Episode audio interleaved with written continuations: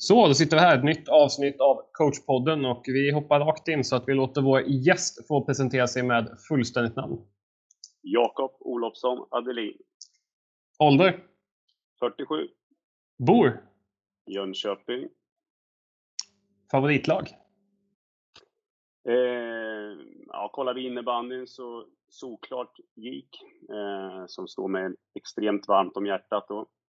Eh, moderföreningen IBK Succé, Eh, som kanske inte är så framträdande nu, men var det under min tid när jag eh, ja, är född Linköping. Så eh, det, är en klubb som, håller, som jag håller varmt.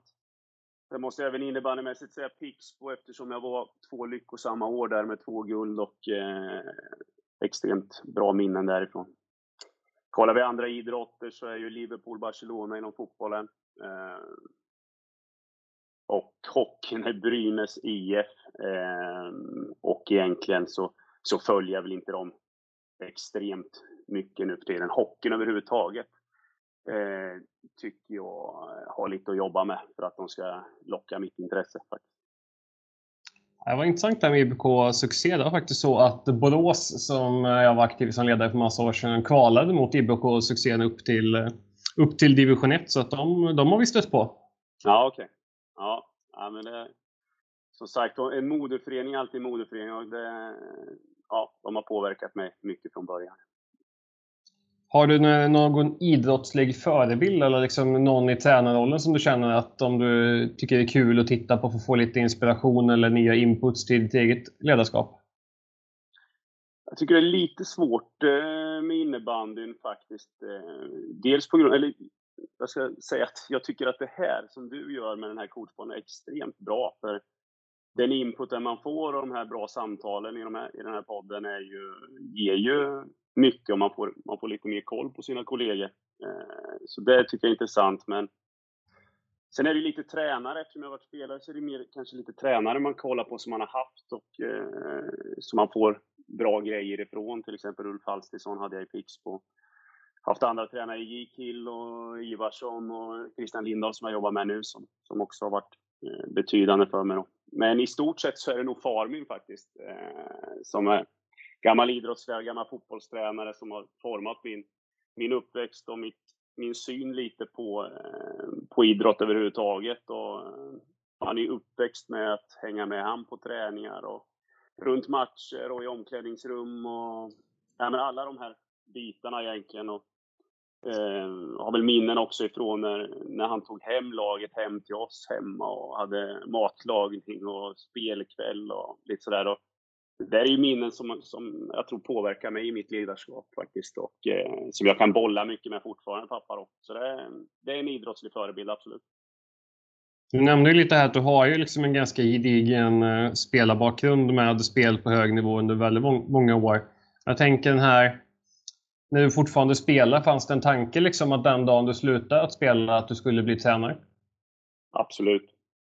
Jag tror det har byggts upp. Jag, jag tror de som har spelat ihop med mig eller så, så jag har alltid varit en liten skissare så. Eh, velat eh, ha mycket idéer om eh, uppspel och eh, lite sådana här bitar och eh, även så har jag ju en bakgrund med att ha gått en, eh, en idrottsledarlinje på, eh, på en folkhögskola två år som eh, där också satte det fart lite. Då var jag 20 år när jag gick in på den linjen. Men Eh, ja, men det födde också ett extremt intresse parallellt med att jag spelade fortfarande. Så, så det har hela tiden funnits som, som en röd tråd att tränare är någonting som jag både tro, eller trodde då att jag skulle passa bra som och, och längta till faktiskt. För att bibehålla den idrottsliga efter spelarkarriären.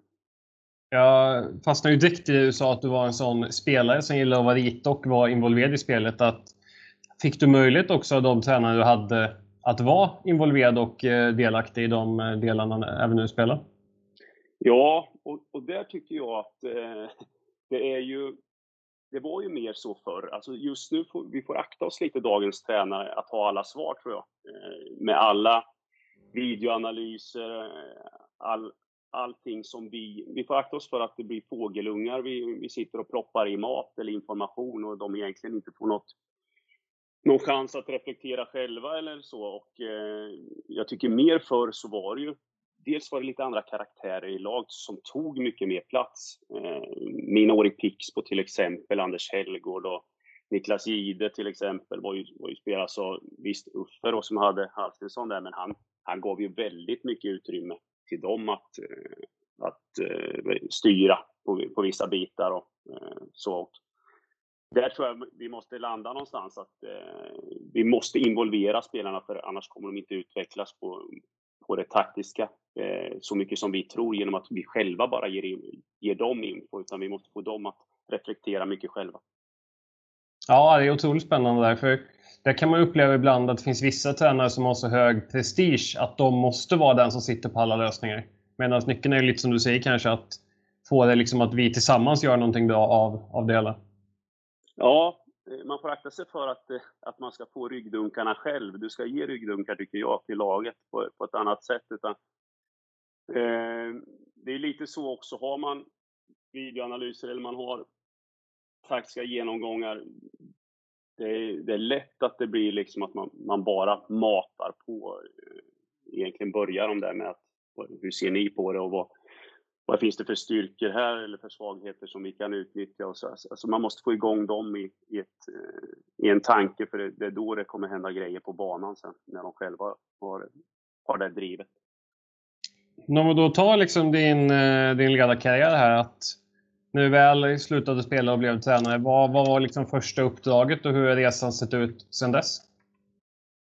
Eh, ja, när men ser man spelarkarriären för, eller då var det ju GIK, eller Succé, GIK, eh, Pix på och sen en, en hel del landslag. Då. Eh, men ser man till tränare så gick jag ju relativt direkt från eh, att jag eh, spelade då, eh, till att bli huvudtränare i GIKs A-lag. Det var väl 07 typ, eh, någonstans där.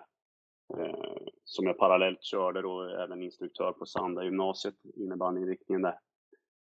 Eh, körde det i två år och sen tog jag ju över eh, Majs då, Mullsjö.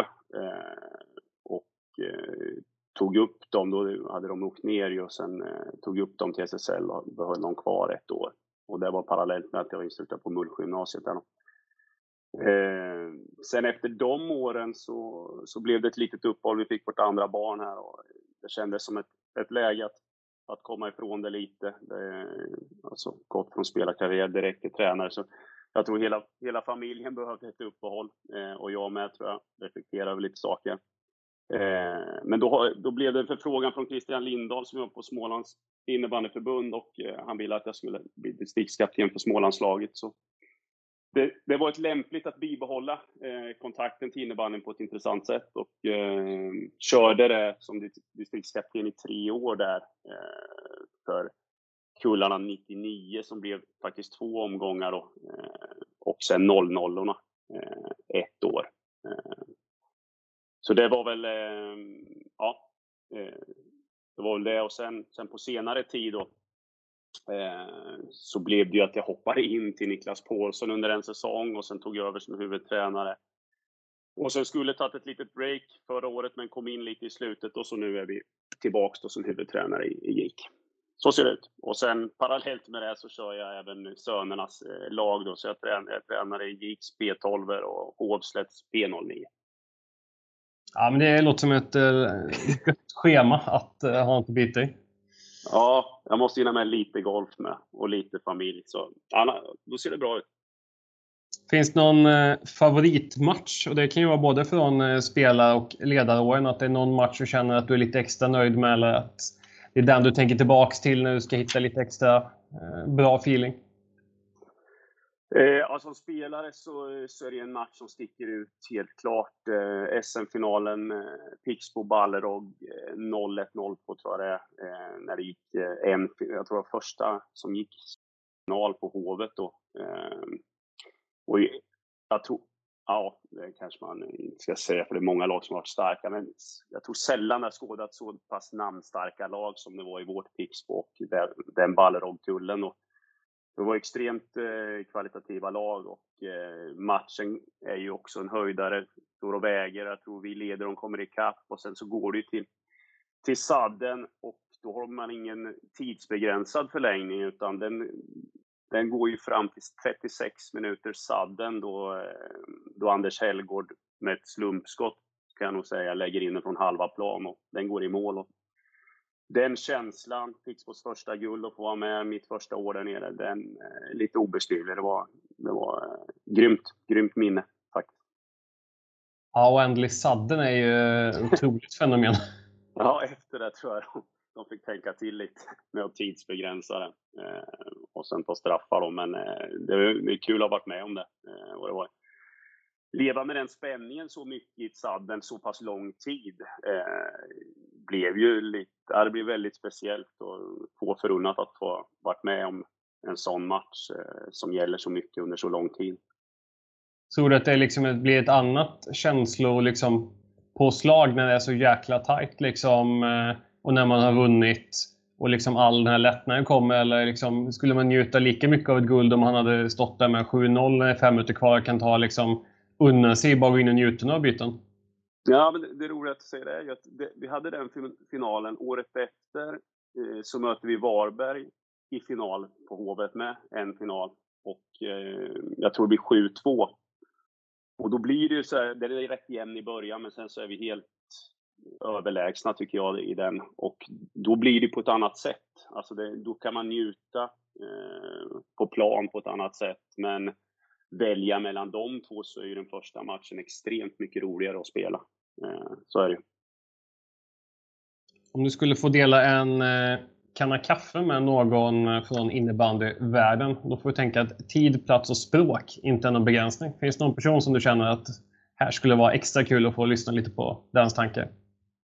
Eh, ja, jag, jag, jag, har väl egentligen, egentligen skulle jag vilja träffa David Jansson mer. Eh, vi spelar ihop, vi gick under några säsonger och är ju en kille som, eh, som jag tror jag skulle kunna lära mig mycket utav och bolla idéer med. Eh, men eh, jag väljer nog ändå, eller kör två. Jag fick bara välja en. Men Gunnar Domey är ju en det är en gammal kompis som var nere och spelade i GIK eh, och eh, en kille som under den tiden så satt eh, han och jag dagligen i stort sett och drack kaffe och snackade innebandy.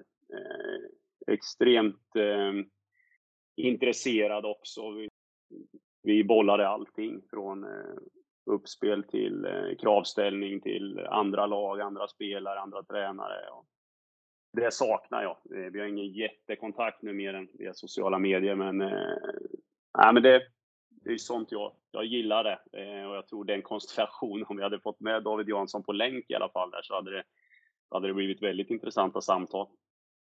Ja, men det, det är helt okej att utöka till en tio. Det hade varit kul att bara få sitta i ett hörn och lyssna lite.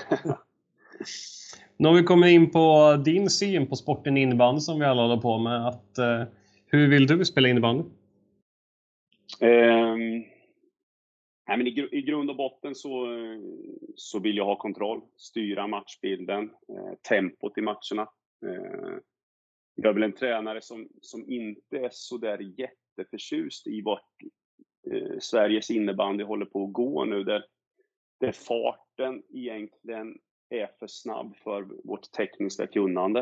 Eh, jag tycker det är väldigt hafsigt. Många lag vill vill sätta någon, eh, att driva sporten framåt. Men eh, jag anser inte att vi gör det, utan jag anser att eh, vi kommer ner nästan på division 1 allsvensk nivå i, i att vi gör så mycket tekniska misstag ute på banan och det blir egentligen där som målen kommer. Och vi ser i början av den här säsongen hur, hur det blir extrema resultat. 11, 10, 10, 12, 10. Eller vad, alltså vi landar på tvåsiffrigt och jag ser ingen tjusning i att det blir så mycket mål. Då kan jag gå och kolla på handboll. Alltså vill jag se mål så kan jag se en handbollsmatch. Eh, jag vill se struktur och tydlighet och vad lagen vill och eh, sen givetvis ha jag är absolut inte emot att man har en hög press, men jag tycker man skulle variera sitt spel, bli mer svårläst i att, eh, att man jobbar med olika växlar på ett annat sätt. Och det är så jag vill också eh, bygga och framförallt ha en, ha en tydlig bild vad man vill göra med bollen. Eh, så vi vill ju vara ett, ett bollförande lag, eh, jobba som en enhet både offensivt och defensivt. Man ska se att, som jag säger, det finns en gummibandseffekt i hur vi jobbar i, i försvaret, att vi täcker de ytorna och sätter press där vi vill. Eh, men samtidigt väldigt tajta med, med stark kommunikation mellan lagdelarna. Eh, vi kan variera spelet med, med bollen, att vi vill ha korta, eh, raka anfall eller långa, tålamodsprövande och långa förflyttningar och jobba med vinkelspel och så. Eh, och samspel överhuvudtaget, att det är viktigt i, i vårt och framförallt hitta en spelglädje där vi ser att, eller jag ser att mina spelare trivs på banan och det, det vi håller på med. Eh, för då får vi energi och energin är en nyckel eh, för att vi ska nå, nå någon typ av framgång. Så det är väl, det är väl mycket eh, hur jag vill, vill, vill att innebandyn ska vara eh, för mitt lag. Om man skulle försöka sätta den typen av spel då till en eh, match och ett motstånd.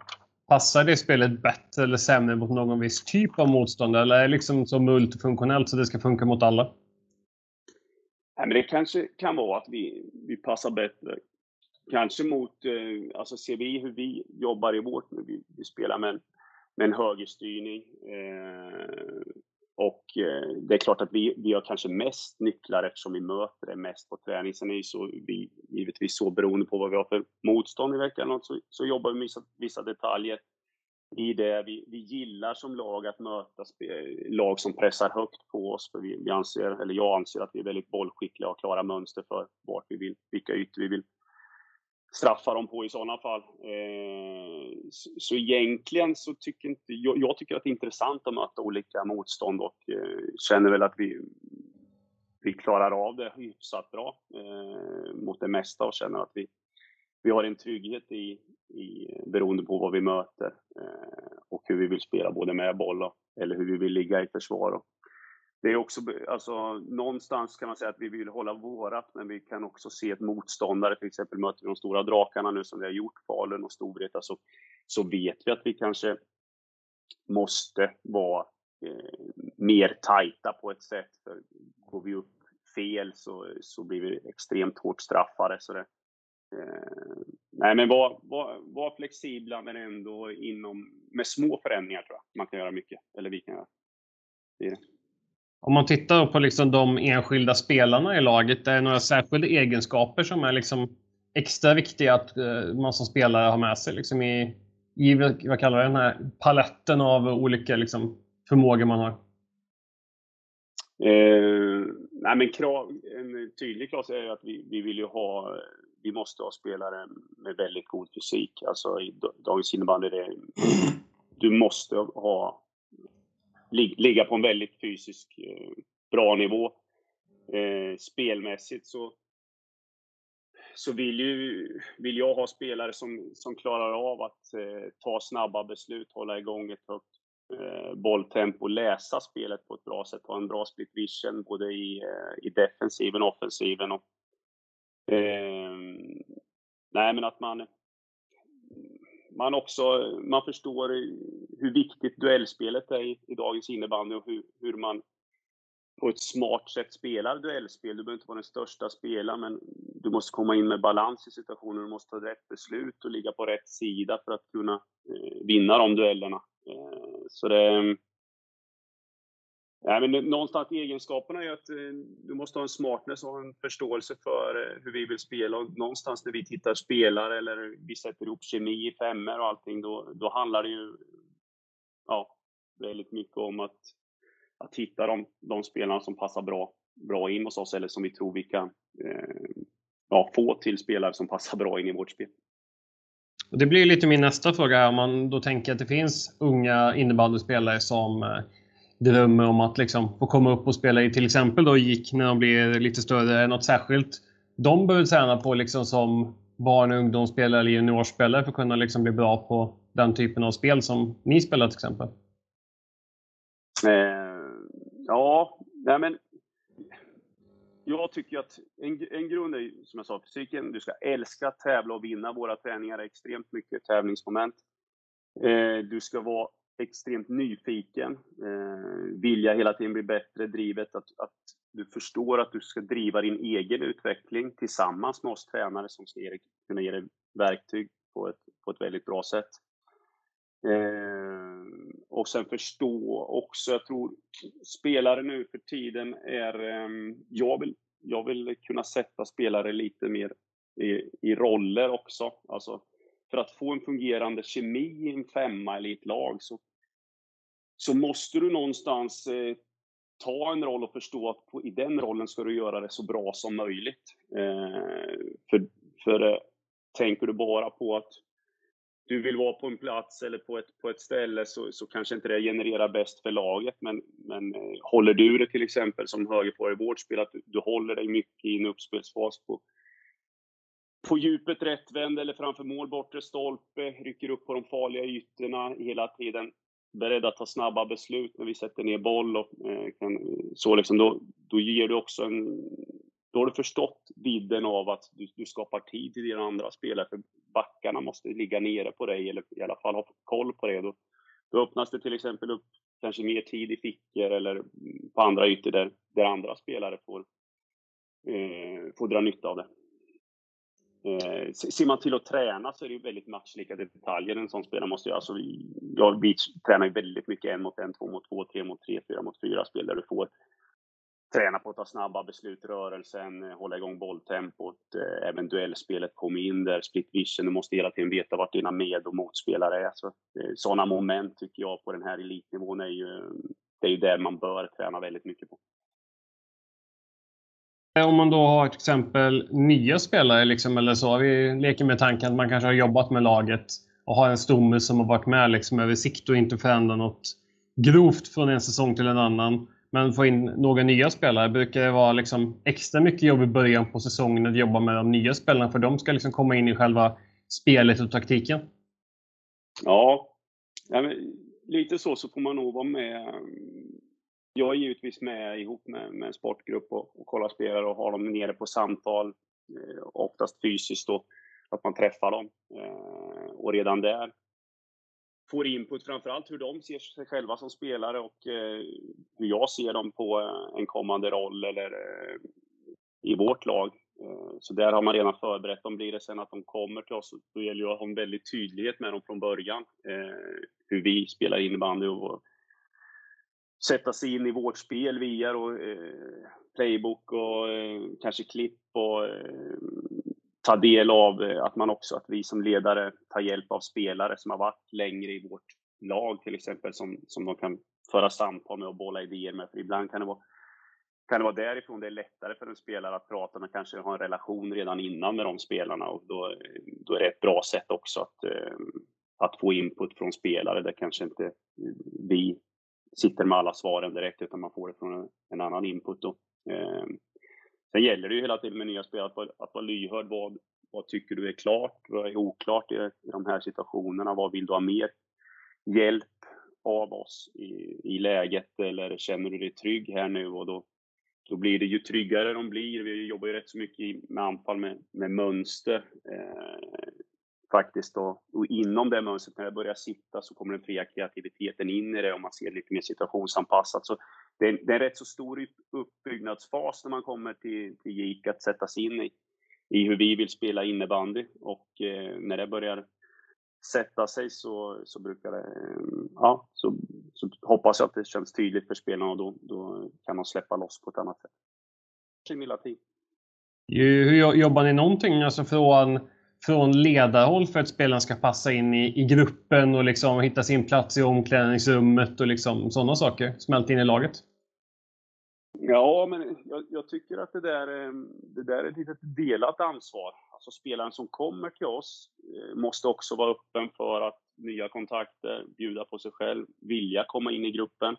Man kan inte flytta till en ny stad och sätta sig i sin lägenhet och, och spela Playstation. Eh, om man inte gör det med tre andra i laget.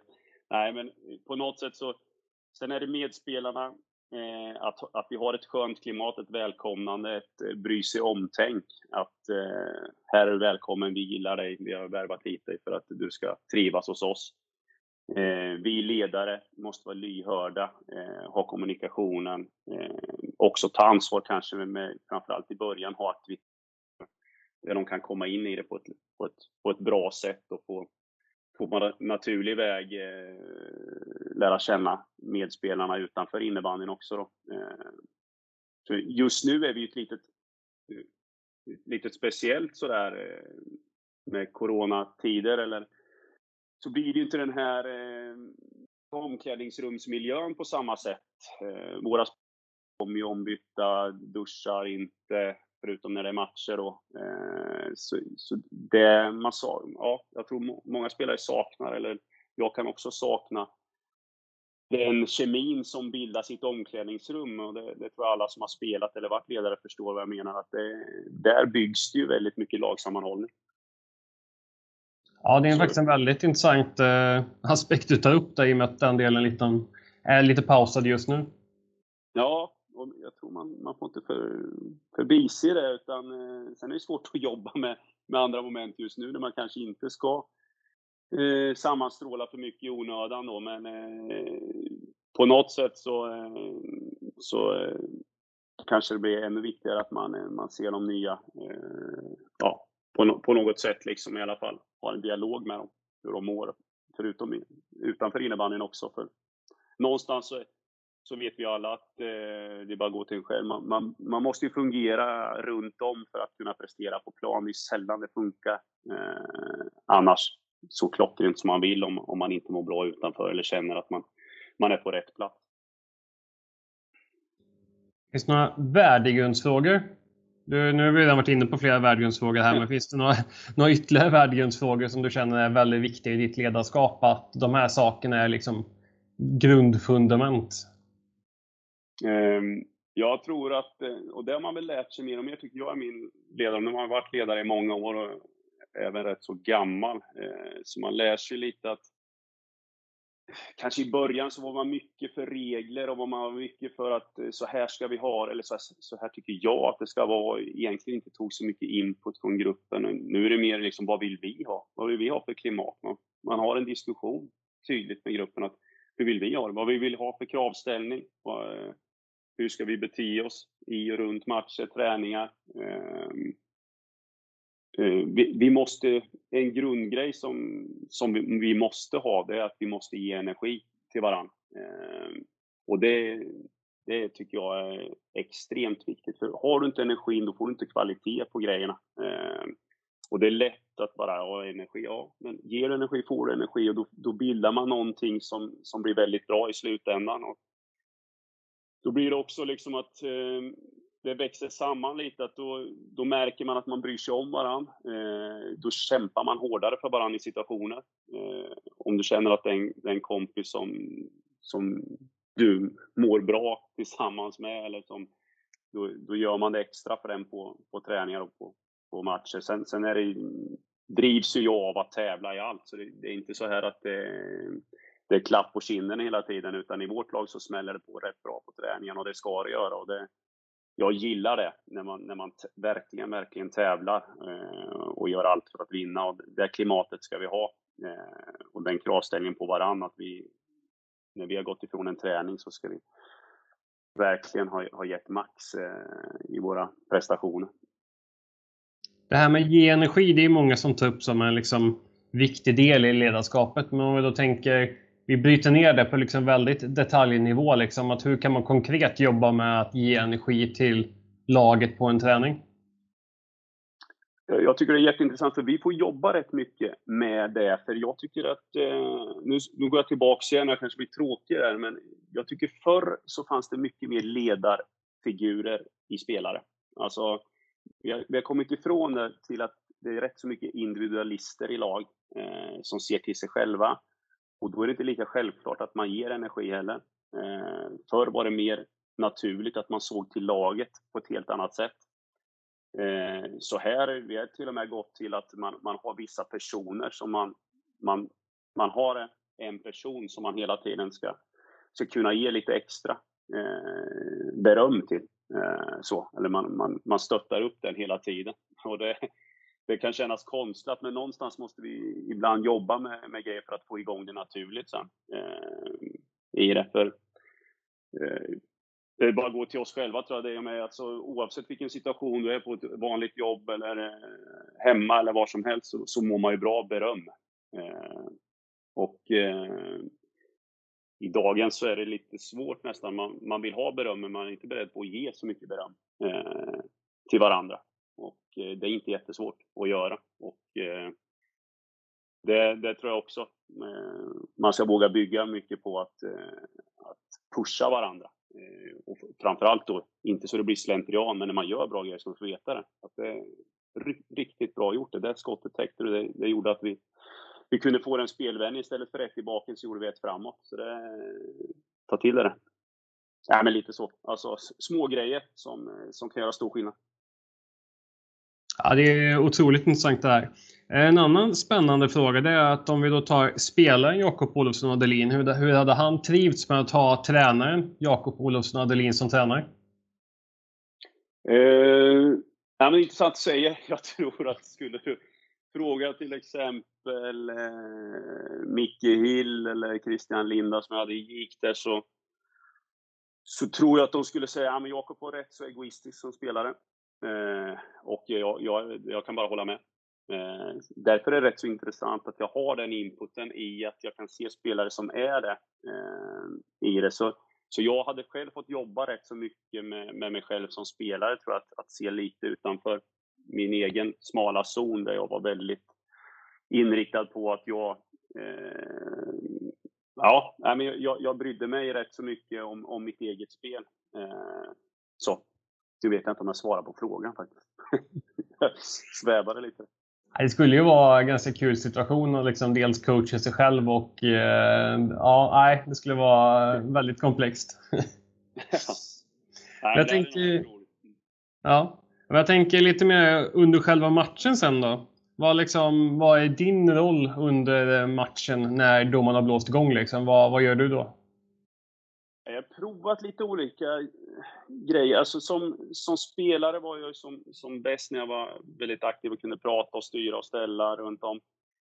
Som tränare har jag försökt ibland att ta en liten mer passiv roll eh, och ta in mycket och, och känna att ja, men jag kan tjäna på det, att få en klarare bild. Men nej, det passar inte riktigt mig, utan jag behöver stå front road och eh, nästan styra spelet på plan, eh, vara med och, och prata väldigt mycket. Och eh, det får igång mig och än så länge så, så funkar det, eh, tycker jag, med, med laget också. Så har vi Christian Lindahl och Jocke Nordén då, framförallt som, som kan jobba lite mer lite mer på, på bänken om man säger så i, i att eh, ge lite mer energi där och lite input eh, till spelarna individuellt under perioderna och sen så eh, givetvis kan jag reflektera över det också till, till dem och framförallt ha ett samspel med mina, mina tränarkollegor. Men jag är rätt så aktiv ut mot banan, vill se mycket eh, det som händer på banan och eh, bilda min uppfattning där.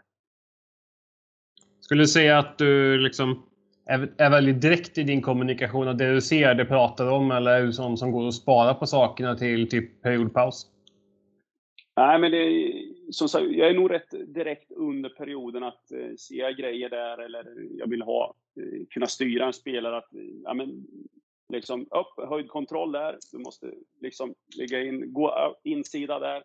Det kan jag direkt prata med dem ut på banan för att, för att få ett hjälpmedel eh, till dem. Eh, men eh, sen tycker jag, i och med att vi har 15 minuters paus nu då. Eh, vi har ju en videocoach som, kan, som skickar ner klipp om vi vill ha även under perioderna eh, till vår padda, så vi kan se en sekvens direkt. Eh, om det till exempel är ett mål eller någon farlighet som någon yta så kan vi se det direkt. Så det, då kan vi ju ta det direkt, men annars får vi även klipp som vi vill ha ner till i periodpauserna och, och titta igenom och då kan man reflektera lite mer eller man tillsammans bildar sig en uppfattning av vad, vad gör vi bra eller det här, de här eh, bitarna behöver vi steppa upp på. Så det, då blir det ju mer en analys, alltså lite lugnare och den tiden får man eh, och så får man delge de bitarna som, som vi tror att spelarna kan ta åt sig under en periodpaus och där, eh, där får man nog akta sig för att ge för mycket.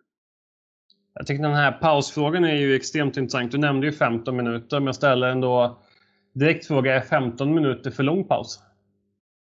Ibland tycker jag absolut det.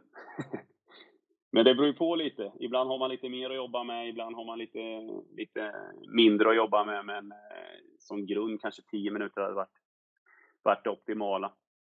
Eh, största tycker jag annars, jag säger det nästan varje gång till mina tränarkollegor, att det jobbigaste har gått från spelare till tränare, det, det är tiden från man har haft samlingen, det korta snacket för vår, vår, vår gameplan eller vår, det har vi ju sista, eller ja, inför näst sista träningen har vi, brukar vi ha det. Men eh, den tiden som blir emellan där, när man får spela, visst man uppvärmning, man var i det hela tiden. Den tiden som blir runt en timme, eh, en timme och en kvart, den tycker jag det är nästan den värsta tiden som tränare. För då, då går jag på nålar, då vill jag bara att, eh, komma in i hetluften och köra på.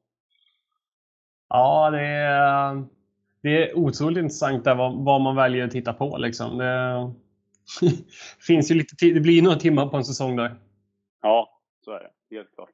Du nämnde lite här med liksom, genom briefing inför matchen att eh, hur, hur ser kommunikationen ut när ni ska ladda upp inför en match? Vi leker med tanken att det är en match på lördagen. Liksom, att hur mycket pratar ni om matchen under veckans träningar och har ni liksom någon särskild liksom, videogenomgång kopplat till någon av träningarna eller kommer det på matchdag eller något sånt där? Mm, nej, men vi har väl ett relativt grund, grundtänk där vi, vi tränare ser ju givetvis eh, har en klar bild av våra nästa motståndare och eh, vi, vi jobbar ju så att eh, ja, jag gör en powerpoint kan man väl säga som, som, där vi har en scouting, scouting på våra motståndare. Och vi har ju klipp då, som vi klipper, jag har hand om det offensiva spelet lite mer. Christian och Jocke har lite mer defensiva och boxplay, powerplay också uppdelat. Jag har powerplay och de har boxplay. Så vi tar ut lite klipp eh, tillsammans med videokort som, som klipper ner det och så, så, lägger vi det på en, på en sida eller en, en app eh, där spelarna kan gå in och se det. Och sen har vi ju moment i träningen, framförallt i början av veckan, och, eh, där vi jobbar lite eh, som våra motståndare. Eh, så det är inte hela träningen givetvis, utan vi, vi, tar moment där vi kan jobba, till exempel möter vi hög press, så jobbar vi själva i lite högre press. Och, får känna på ytor. Vi har de spelare där de söker speciella ytor, vi vet att de vill, så, så jobbar vi ofta med de momenten så att vi vet hur vi ska ligga ut på banan också, ligga rätt och eh, vad som kan ske i ett andra skede med understöd och allting.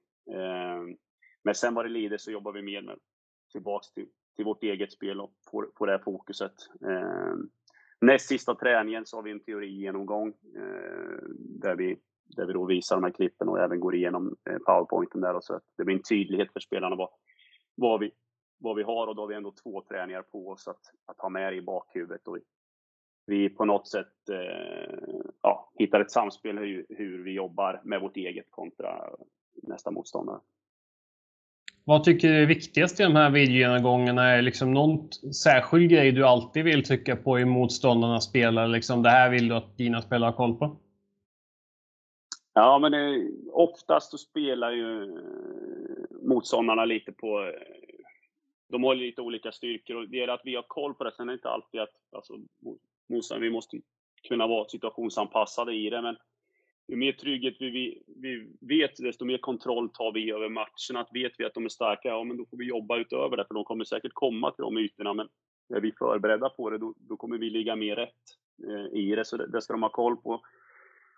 Eh, kanske inte för mycket spelare, men vissa spelare som betyder väldigt mycket för sina lag behöver vi också få kontroll på deras spetsgrejer, eh, till exempel om vi har spelare som, vill, som är extremt starka på att, på att våga in, då måste vi eh, bryta ner det så att vi, vi ligger med en jättebra höjdkontroll mot den spelaren så att vi, vi tar bort det första eh, ja, initiativet från den spelaren så kan det störa rätt mycket. Eh, Också givetvis ytor med boll där, där vi vet att vi kan straffa våra motståndare eller där vi vill eh, flytta upp och utgå ifrån eller eh, så liksom hitta, hitta bra rullningar därifrån.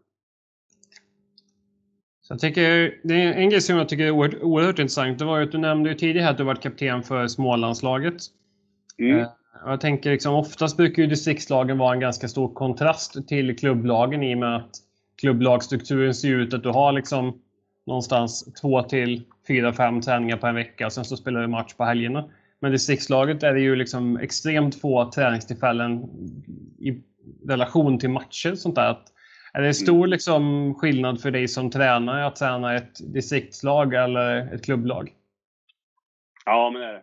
Sen ska jag säga att jag älskar att eh, vara distriktskapten och jobba med med den åldern och den eh, hungern som fanns hos de spelarna som jag hade i alla fall i Småland där. Och, eh, vi hade väl det problemet kan man säga med Småland är att det är ett väldigt stort distrikt eh, som gör att vi har ett rätt stort urval att ta spelare. Men Samtidigt är urvalsprocessen då rätt svår. Man, man ser de få tillfällen om du ska plocka ut en trupp och sen även när du har satt ihop truppen så, så är det få antal tillfällen där man kan samla dem eftersom det är rätt så utspritt och, eh, och få till då läger och, och, och så. Så det, det fanns väl eh, givetvis bitar där som var lite mer problematiska för att, för att eh, kunna sätta din prägel på det fullt ut. Eh, så, så är det.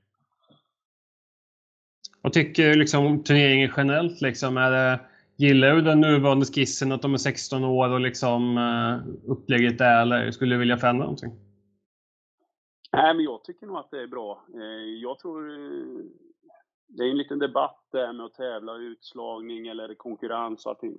Någonstans så vi får akta oss för att inte skjuta oss själva, alltså med att odla ungdomar som inte tål en enda motgång, utan så fort man inte får speltid eller man inte kommer med till Strykstad, då, då ska man lägga av. Eller om man inte får speltid i ett lag så ska man byta förening eller så ska man ha dubbellicens eller så. Eh, alltså, det är lite så här att vill man nå eliten så kommer det vara upp och ner.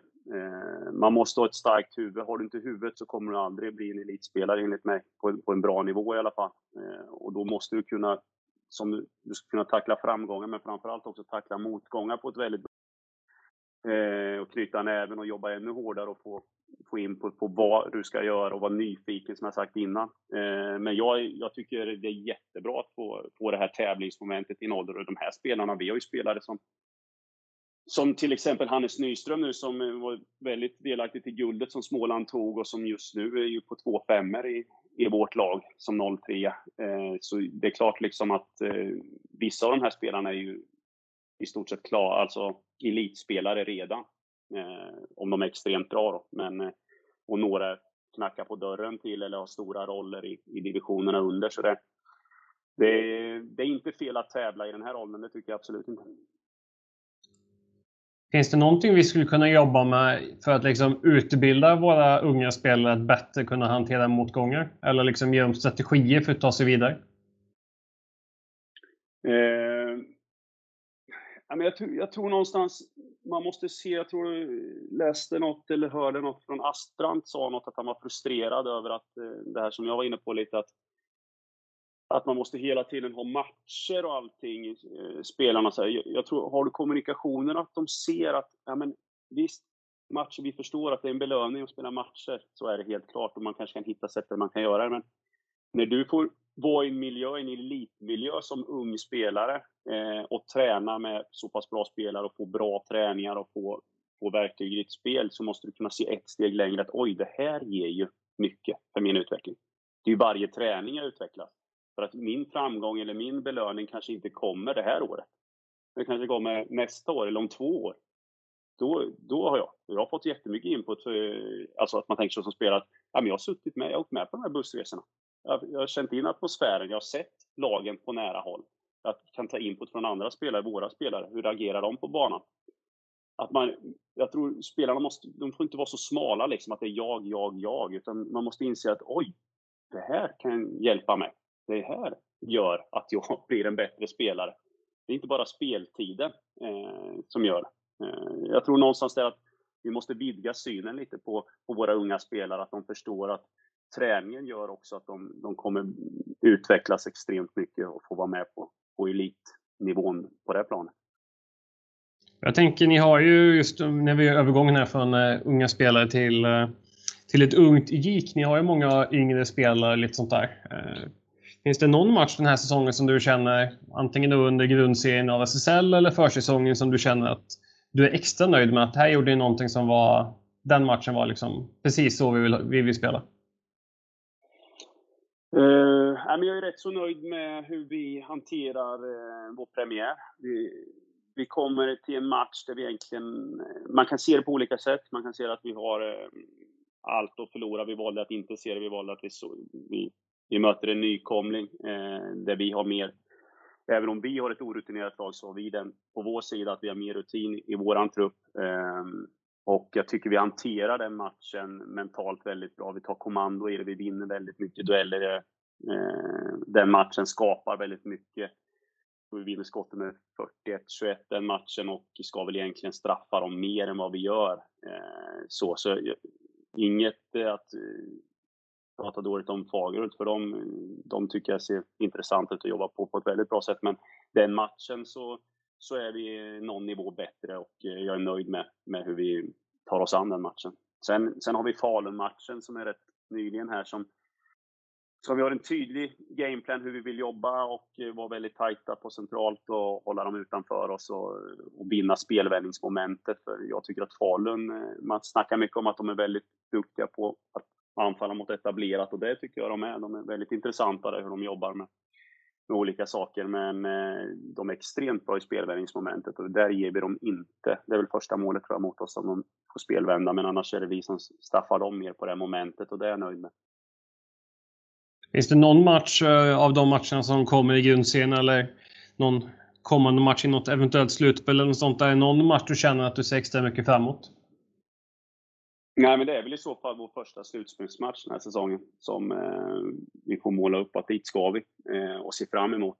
Eh, det, det, måste vi ha som en, eh, som en energikälla, att vi, vi ska dit och vi, vi, ska verkligen, verkligen längta för att få, få kliva in i ett slutspel. Men ser vi annars så är det ju en jättehärlig situation som vi är i, i den här trakten här med Fagerhult och Mullsjö, de derbyna. Jag jobbar själv, eh, förutom innebandyn, ute i, i Habo eh, och stöter på ja, elever och ungdomar där ute som, som inte håller på gick, om jag säger så. Så det, ja, men det, de eh, derbyna är ju också riktigt goa liksom och eh, härligt med den eh, ja, stora innebandy-atmosfären, eller vad man ska säga, som finns här i Jönköpingstrakten. Vi ska, så vi ska vi kanske kommer återkomma lite till derbyn. Vi ska kliva vidare här till ska få svar på fem snabba frågor där vi vill ha ett spontant och impulsivt svar. Ja, jag ska försöka svara snabbt. och för att välja första här, kaffet innan match eller tuggummit under matchen? Oj, två favoriter. Eh, nej, men vi kör nog... Min fru tycker inte jag ska tugga tuggummi. Hon tycker jag ser lätt stressad ut, så vi kör kaffet då. Spela innebandy eller coacha innebandy? Mm. Ja, jag tar spela. Match eller träning? Match. Powerplay eller boxplay? Powerplay. Derby mot Mullsjö eller derby mot Fagerhult? Mullsjö. Ja, det... Ja, det var just det. Jag blev nästan lite orolig. Det blev så himla mycket derby så jag kände att jag fick inte svar på frågan för mycket innan där. Liksom. Så jag bara, snabbt in på det här nu så kan vi... ja. Nej, men Mullsjö är ju fortfarande eh, roligare match. Alltså nu är det nytt med Fagerhult eh, och vi spelar den matchen som sagt var utan i stort sett publik då. Så eh, Mullsjö-matcherna är ju eh, extremt roliga att spela. Så är det. Det ser jag fram emot. Och den här liksom derbykänslan som finns, liksom, kan det också vara en effekt att den triggar liksom föreningen i att liksom hela tiden drivas framåt? Liksom att man får draghjälp av det? Ja, det tror jag.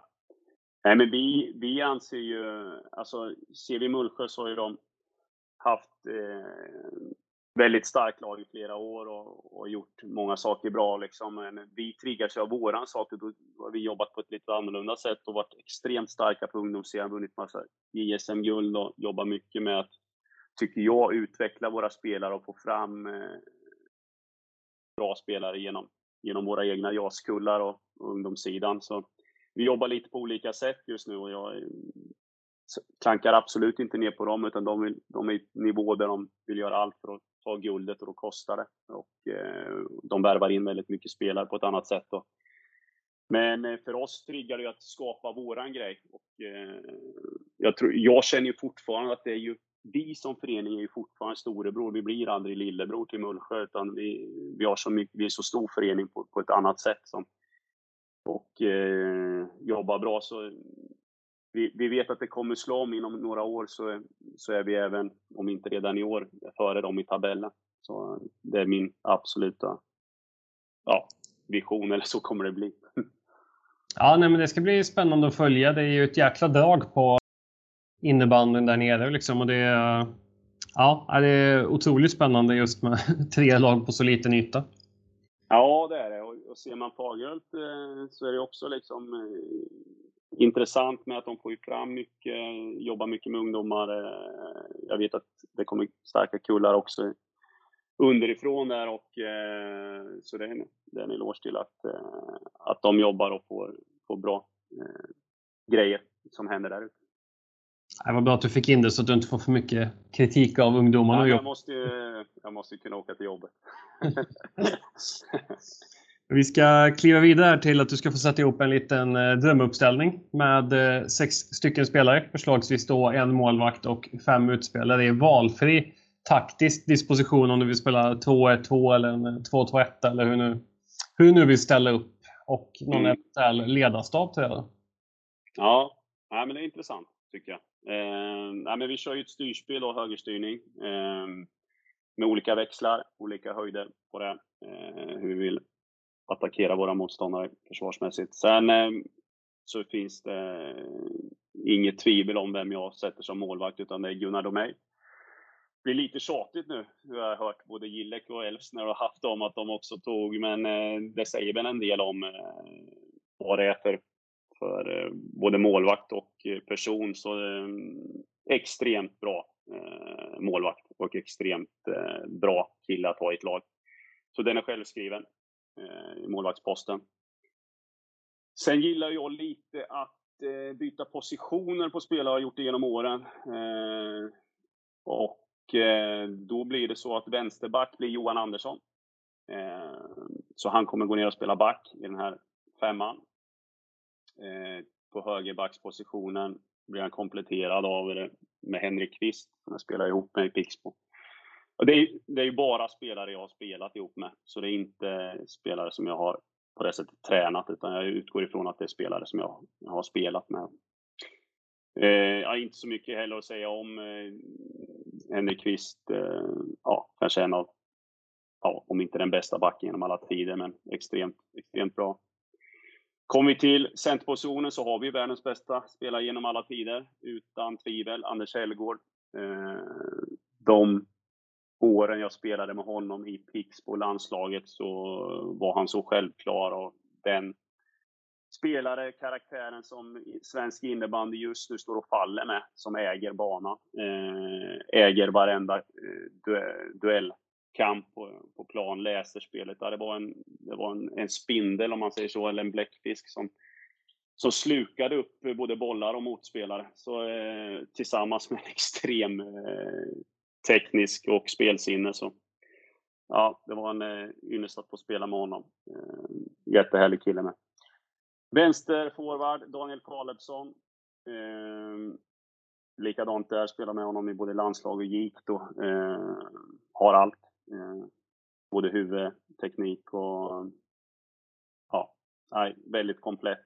Eh, högerforward flyttar vi Niklas Gide då. Eh, kanske mer naturligt vänster, men här i ett styrspel så kommer han vara jobbig. Eh, att jobba och Anders Hellgård får två rightare eller tre rightare med Johan Andersson och servera mackor till. Så det, det skulle inte vara kul att vara motståndarcoach till den här, mot den här femman. Och Niklas Jihde, eh, ja, eh, han var ju bra i AIK, men åren i Pixbo där eh, när jag spelade med honom och även landslaget så var han ju extremt bra, eh, effektiv, eh, också ett jäkla bra huvud både på träningar och matcher så var, det fanns inget mellanläge utan det var all in och stor kravställning på, på alla runt omkring och på sig själv framförallt också. Så där har vi en, eh, en femma som är högintressant och extremt skarp, tycker jag. Ja, det är ju otrolig, otrolig formation liksom, som alltid, liksom, men ja, ja, det är många starka profiler. Vad, vad skulle du sätta på bänken att eh, försöka leda de här då? Eh, äh, här, alltså det här blir ju guld, så här måste jag vara. Eh, det här hade ju varit framgångar, så här vill man ju inte lämna över. Men jag skulle absolut vilja ha jag tycker man bygger ett ledarskap. Där eh, Jan Andersson tycker jag är extremt eh, intressant att lyssna på. Hur han jobbar med att, att forma sitt liksom man vill jobba med, tycker jag är viktigt med kemi i femmer och lag och allting, så är ju en ledarstab extremt viktig med, med en kemi som funkar. Och jag trivs jättebra med dem jag jobbar med nu, Christian Lindahl och Jocke Nordén. Eh, men jag hade spetsat det också eh, med Niklas Paulsson, så vi hade varit fyra där. Eh, Niklas Paulsson jobbar med i GIK också i Helsingborg nu som jag gillar skarpt. Eh, vi hade en jättebra kemi när vi jobbade tillsammans. Eh, synd att han inte ville eh, bosätta sig längre i Jönköping faktiskt. Men eh, då hade vi jobbat lite mer front road, jag och Paulsson, med energin. Och så hade Lindahl och Nordén jobbat lite mer bakomdrag och eh, energi till, till spelarna på, på bänken och lite input där. Då, då hade det sett bra ut tror jag. Ja, nej, men det känns som en eh, otrolig, otrolig leda, ledarkompetens där också. Ja. Så att, eh, ja, nej, men det är alltid kul de här formationerna och se vad vi, vad vi får ihop liksom, när man ska sätta sig i någon utopi här och fri tillgång till, till vad man vill stoppa in. Men eh, som alltid, vi tackar för otroligt bra svar och eh, spännande resonemang, en jättefin drömuppställning och så önskar vi ett eh, stort lycka till resterande del av säsongen och att du tog dig tid att vara med i coachpodden. Ja, stort tack och som jag, jag tror jag började med, eller, så tycker jag att du gör ett kanonjobb. Det är väldigt kul och väldigt lärorikt att få lyssna på andra kollegor eh, som vi gör lite för lite av, tycker jag, eh, inom innebandyn, att man tar del av varandra. Eh, så det, jag tror vi bör lära mycket av varandra eh, och kanske inte sväva iväg och kolla för mycket på andra idrotter, utan vi har mycket kunskap inom vår egen kår, så att säga. Och det, det här är intressant att lyssna på alla andra. Så det är bra, bra jobbat av dig. Ja, men det tackar jag för. Och eh, alltid kul om podden kan vara till nytta för någon någonstans.